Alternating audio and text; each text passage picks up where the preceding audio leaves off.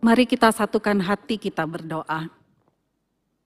Tuhan seperti lagu ini katakan, ku mau hidup bagi Kristus. Kami mau mengasihi yang engkau kasihi ya Tuhan. Dan biarlah lewat firman Tuhan pada siang hari ini yang akan kami renungkan bersama-sama. Kami dibawa untuk bisa menyelami pribadimu, meresapi dirimu, dan menikmati kehadiranmu. Ini doa kami Tuhan, demi nama Tuhan Yesus kami berdoa. Amin. Mari kita membuka Galatia 6 ayat yang ke-17 sebagai dasar perenungan kita pada siang hari ini. Galatia 6 ayat yang ke-17. Demikian bunyi firman Tuhan. Selanjutnya janganlah ada orang yang menyusahkan aku. Karena pada tubuhku ada tanda-tanda milik Yesus. Silakan duduk. Bapak Ibu Saudara yang dikasih oleh Tuhan ketika saya mempersiapkan firman Tuhan untuk siang hari ini, saya teringat tentang satu kisah pilu di bangsal ICU. Tema hari ini tentang tanda-tanda Yesus Kristus pada diri kita dan saya teringat tentang sekali lagi sepenggal kisah pilu di bangsal ICU.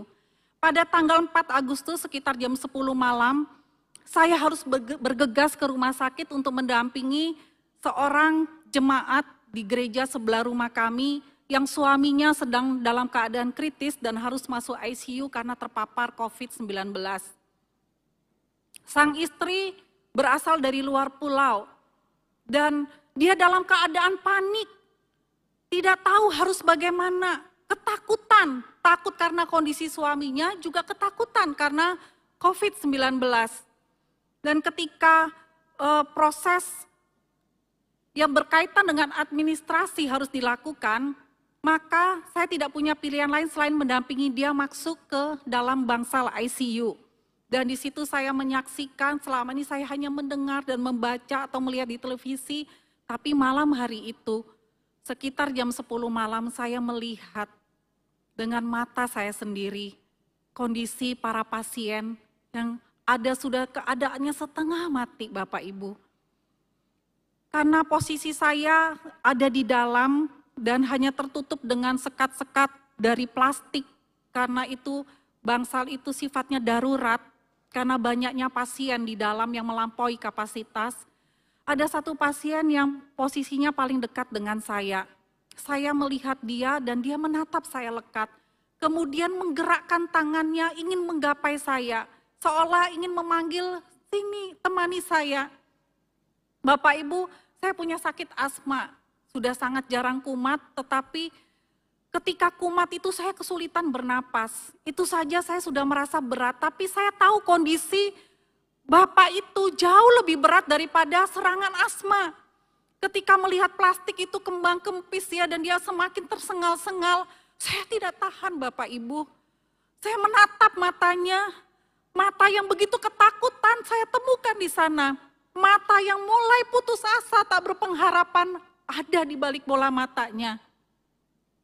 Bapak Ibu saudara dikasih oleh Tuhan sebagai seorang hamba Tuhan, saya sangat ingin sekali menerjang itu dinding plastik dan kemudian memegang tangannya dan berdoa untuknya. Cuma tidak bisa saya lakukan karena saya tidak memakai peralatan yang seharusnya dilakukan ketika memasuki bangsal ICU. Karena sesuatu yang tidak terkondisikan sebelumnya sehingga saya harus berada di, di dalam bangsal itu. Bapak Ibu, Kemudian saya mulai berdoa kepada Tuhan ketika napasnya semakin tersengal-sengal.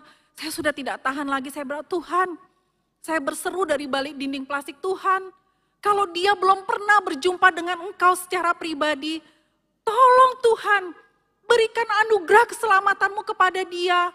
Tuhan kau lihat matanya mulai putus asa, tidak ingin hidup lagi, dia begitu ketakutan. Tuhan saya tidak bisa masuk, engkau bisa menembus dinding plastik ini. Temani dia untukku Tuhan.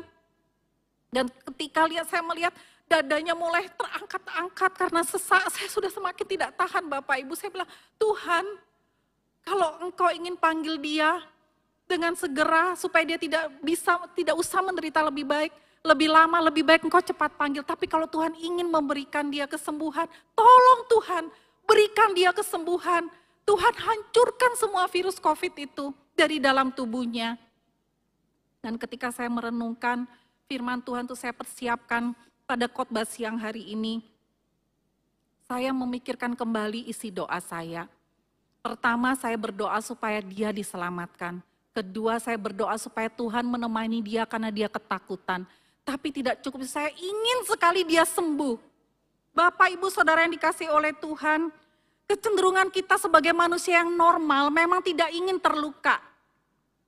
Kecenderungan kita tidak ingin terluka secara fisik, terlebih lagi secara batin. Sebisa mungkin yang namanya luka batin, luka fisik, itu sungguh-sungguh bukan hanya dicegah, tetapi juga dihindari dan disingkirkan dari dalam kehidupan kita. Karena kita tidak ingin terluka. Namun Tuhan kita berpikir yang sebaliknya dan dia menginginkan yang sebaliknya. Yesus Kristus justru menginginkan para pengikutnya terluka. Sebab luka merupakan tanda istimewa darinya. Tuhan Yesus yang sangat kita tahu mengasihi kita, justru menginginkan kita terluka. Itulah tanda istimewa yang dia inginkan dari hidup kita. Pertanyaannya, luka seperti apa sih yang Tuhan inginkan ada di dalam diri kita? Mari kita melihat kembali Galatia 6 ayat 17. Dari satu kalimat ini kita bisa menyelami luka seperti apa yang dia inginkan. Bapak Ibu Saudara yang dikasih oleh Tuhan, ketika Paulus menuliskan Galatia 6 ayat 17, ini situasinya adalah pada zaman pemerintahan Kekaisaran Romawi. Pada masa tersebut perbudakan begitu merajalela. Sampai-sampai 3 per 5 dari orang yang ditemui oleh Paulus itu adalah budak. Jadi begitu banyaknya budak pada waktu itu. Dan para pemilik budak untuk bisa mengenali budaknya dengan segera, mereka biasanya menggoreskan sebuah tanda di tubuh para budaknya. Bisa di tangan, lengan, daun telinga, atau bahkan wajah mereka. Dengan maksud supaya begitu dilihat atau siapa pun yang melihat ini tahu dia adalah seorang budak dan budaknya siapa. Bahkan kalau budak itu melarikan diri kemudian tertangkap, maka di dahinya akan ditulis huruf F. Singkatan dari fugitivus atau yang artinya dalam bahasa Indonesia adalah pelarian atau buronan. Supaya si budak itu malu dengan tanda itu karena semua orang tahu dan dia tidak ingin melarikan diri lagi. Nah kata tanda ini yang dalam bahasa Yunaninya adalah stigma, kemudian digunakan Paulus di dalam Galatia 6 ayat 17 ketika dia berkata, pada tubuhku ada tanda-tanda Yesus. Pada tubuhku ada stigma-stigma Yesus. Pada tubuhku ada tastik mata Yesus. Ada tanda-tanda Yesus. Mari kita selami apa yang dimaksud dengan tanda-tanda ini.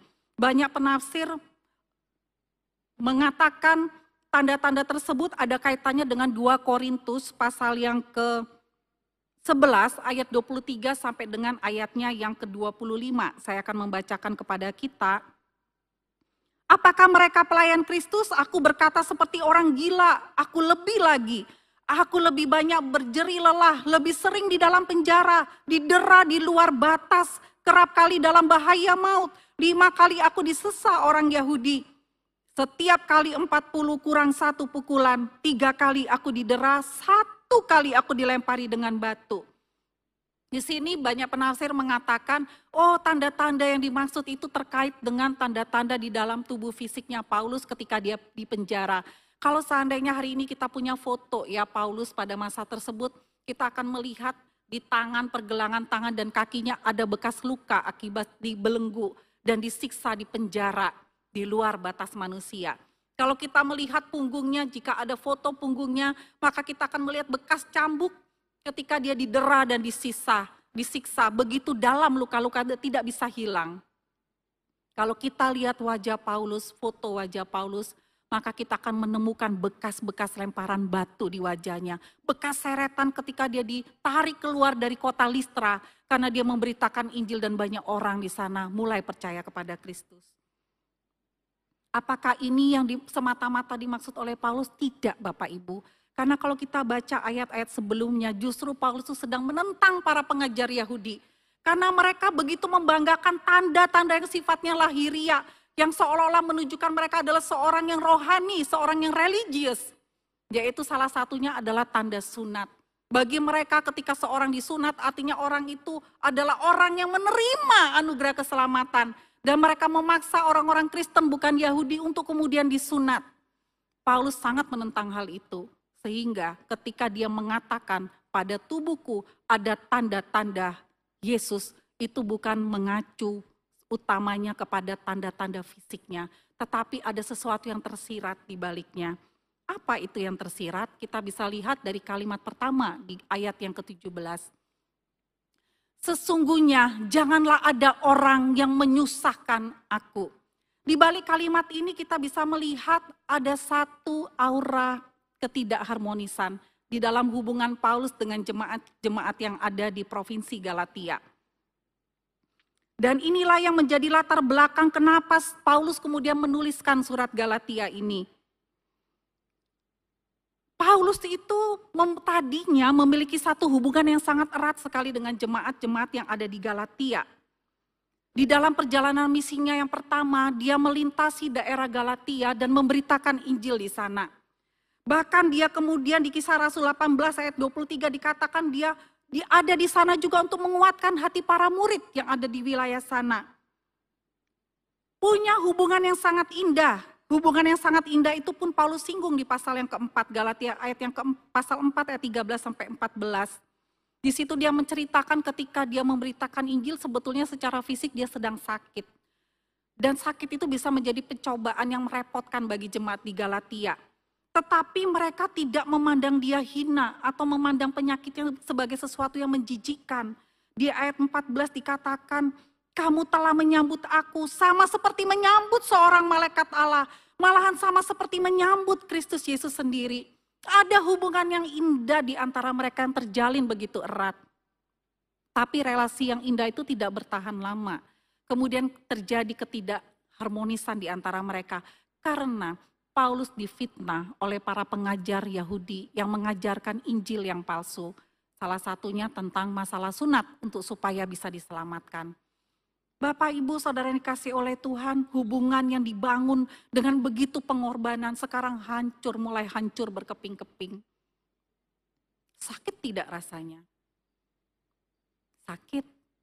Bukan hanya itu, bukan hanya priba, bukan hanya pengajaran Paulus yang ditolak, pribadinya pun ditolak. Mereka mulai tidak percaya kepada pengajaran Paulus dan mereka mulai meragukan kerasulan Paulus. Makanya di Galatia 1 ayat yang pertama dia menulis surat ini dengan mengawali dari aku Paulus, seorang rasul Kristus, bukan karena manusia tetapi karena Kristus sendiri. Bapak, Ibu, saudara yang dikasih oleh Tuhan, Paulus kemudian di dalam Galatia pasal 3 ayat yang pertama dan ketiga berkata, atas sikap orang-orang Galatia ini, hai orang-orang Galatia yang bodoh, Siapakah yang telah mempesona kamu? Bukankah Yesus Kristus yang disalibkan itu telah dilukiskan dengan terang di depanmu? Adakah kamu sebodoh itu? Kenapa kamu mengikuti ajaran orang-orang Yahudi yang mengajarkan pengajaran yang palsu ini? Bukankah aku sudah berupaya kepadamu? Saudara ketika kita membaca ini, bayangkan seandainya guru Injil Matindas tadi di sini dan kemudian di tengah-tengah ya liturgi dia berkata, mungkin lihat ada yang terlambat atau yang lagi pegang-pegang HP, atau mungkin lihat ada yang sedang menguap dan berkata, hai jemaat-jemaat yang bodoh. Bayangkan, kalau Bapak Ibu dengar itu sakit ya rasanya. Kok tidak pantas sih ya seorang hamba Tuhan, apalagi Rasul, berkata, hai orang-orang bodoh, kepada jemaat yang katanya dikasihinya. Mungkin ketika kita hanya membaca bagian ini kita berpikir, oh dia lagi luka batin. Dia sakit hati karena ditolak. Bukankah penolakan dari orang terdekat paling menyakitkan? Tidak Bapak Ibu. Kalau kita membaca secara keseluruhan dari surat Galatia, kalimat-kalimat yang tajam dan bahkan terkesan kasar ini bukan untuk meluapkan emosi batinnya, tetapi justru kasihnya kepada jemaat yang ada di Galatia. Paulus di dalam Galatia 6 di salamnya itu dia berkata, aku menuliskan ini dengan huruf-huruf yang besar. Ada satu emosi yang terlibat, ada satu emosi secara pribadi karena punya hubungan secara pribadi dengan jemaat yang ada di Galatia. Sampai-sampai dia menuliskannya dengan huruf-huruf yang besar. Karena dia mengasihi, yang menjadi masalahnya bukan karena ditolak oleh jemaat di Galatia. Yang menjadi masalah terbesar dia itu bukan karena tubuh fisiknya, ini sudah dikorbankan dengan luka-luka cacat di tubuhnya. Tetapi yang paling melukai hatinya ketika melihat orang-orang yang sangat dia kasihi mulai menjauh dari Yesus Kristus. Inilah yang disebut dengan luka ilahi Bapak Ibu. Inilah tanda istimewa yang Tuhan Yesus taruh di dalam diri Paulus. Melebihi luka-luka yang bisa dilihat secara lahiriah. Luka ilahi, tanda istimewa yang Kristus berikan di dalam diri Paulus. Dan Paulus mau menerimanya. Kenapa? Karena dia belajar dari teladan Tuhan Yesus sendiri. Tuhan Yesus di dalam Lukas 23 yang ke-34 berkata demikian. Ya Bapa, ampunilah mereka sebab mereka tidak tahu apa yang mereka perbuat. Ini adalah ucapan pertama Tuhan Yesus di atas kayu salib. Bapak Ibu, Beberapa penafsir mengatakan ketika Yesus mengucapkan hal ini sebetulnya pada saat bersamaan tangan dan kakinya sedang dipaku dalam kondisi fisik sangat menyakitkan. Dan pada saat di mana dia sedang disalib, dia berseru, ini dia melihat sekeliling. Tak ada satupun sahabat rohaninya di sekitarnya. Semua murid-murid yang sangat dikasihnya, kedua belas murid, mengkhianati, ada yang mengkhianati, ada yang menyangkal dan mengutuk dia mengaku tidak kenal Yesus dan tidak ada seorang pun di sekitar salib itu, hanya dia seorang diri. Tapi Yesus sama sekali tidak menghiraukan masalah luka fisik. Dia sangat sama sekali tidak menghiraukan masalah luka batin. Yang dia pikirkan adalah luka ilahi Bapa. Makanya dia berkata, Bapa ampunilah mereka Luka ilahi membawa Yesus melihat bahwa yang paling penting saat itu adalah jiwa-jiwa yang terhilang.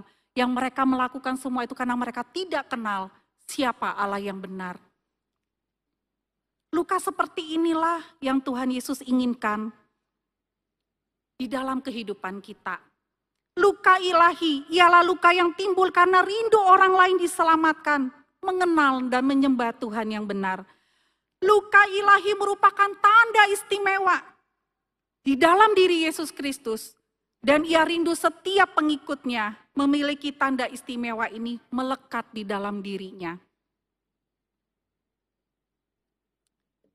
Bapak Ibu di layar LCD ini adalah foto anak-anak yang sangat saya cintai.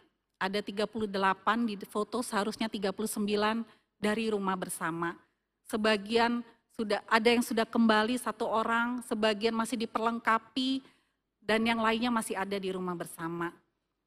Saya sangat mengasihi mereka, dan pelayanan di rumah bersama bukan pelayanan yang mudah menurut saya karena kami menggunakan konsep pelayanan pemuritan, di mana satu teladan lebih penting daripada seribu kata-kata. Saya sangat ingin mereka memberikan segalanya bagi Kristus melalui suku mereka. Tetapi sebagai seorang pembina mereka, ibu rohani mereka, saya adalah orang yang harus terlebih dahulu mempraktekannya sehingga saya baru bisa menuntut mereka. Tuhan, saya dan anak-anak tahu bahwa ada satu yang tidak pernah bisa saya berikan kepada Tuhan sampai dengan saat itu, yaitu hati saya yang sepenuhnya bagi Tuhan. Tahun 2020 eh, tahun 2012 eh, suami saya meninggal dunia kami sama-sama diutus di gereja ini untuk melayani suku yang sangat Tuhan dan kami kasihi. Dan selama delapan tahun saya terus mengalami kedukaan yang berkepanjangan. Saya sangat mencintai dia. Tuhan boleh minta apa pun dalam diri saya, tapi saya berkata jangan pernah minta cinta saya kepada almarhum Kay Sony. Saya mau memberikan segalanya bagi suku di mana Tuhan tempatkan saya, tapi jangan pernah yang satu itu. Tuhan, saya dan anak-anak tahu tentang hal itu. Tapi itu yang Tuhan minta Bapak Ibu.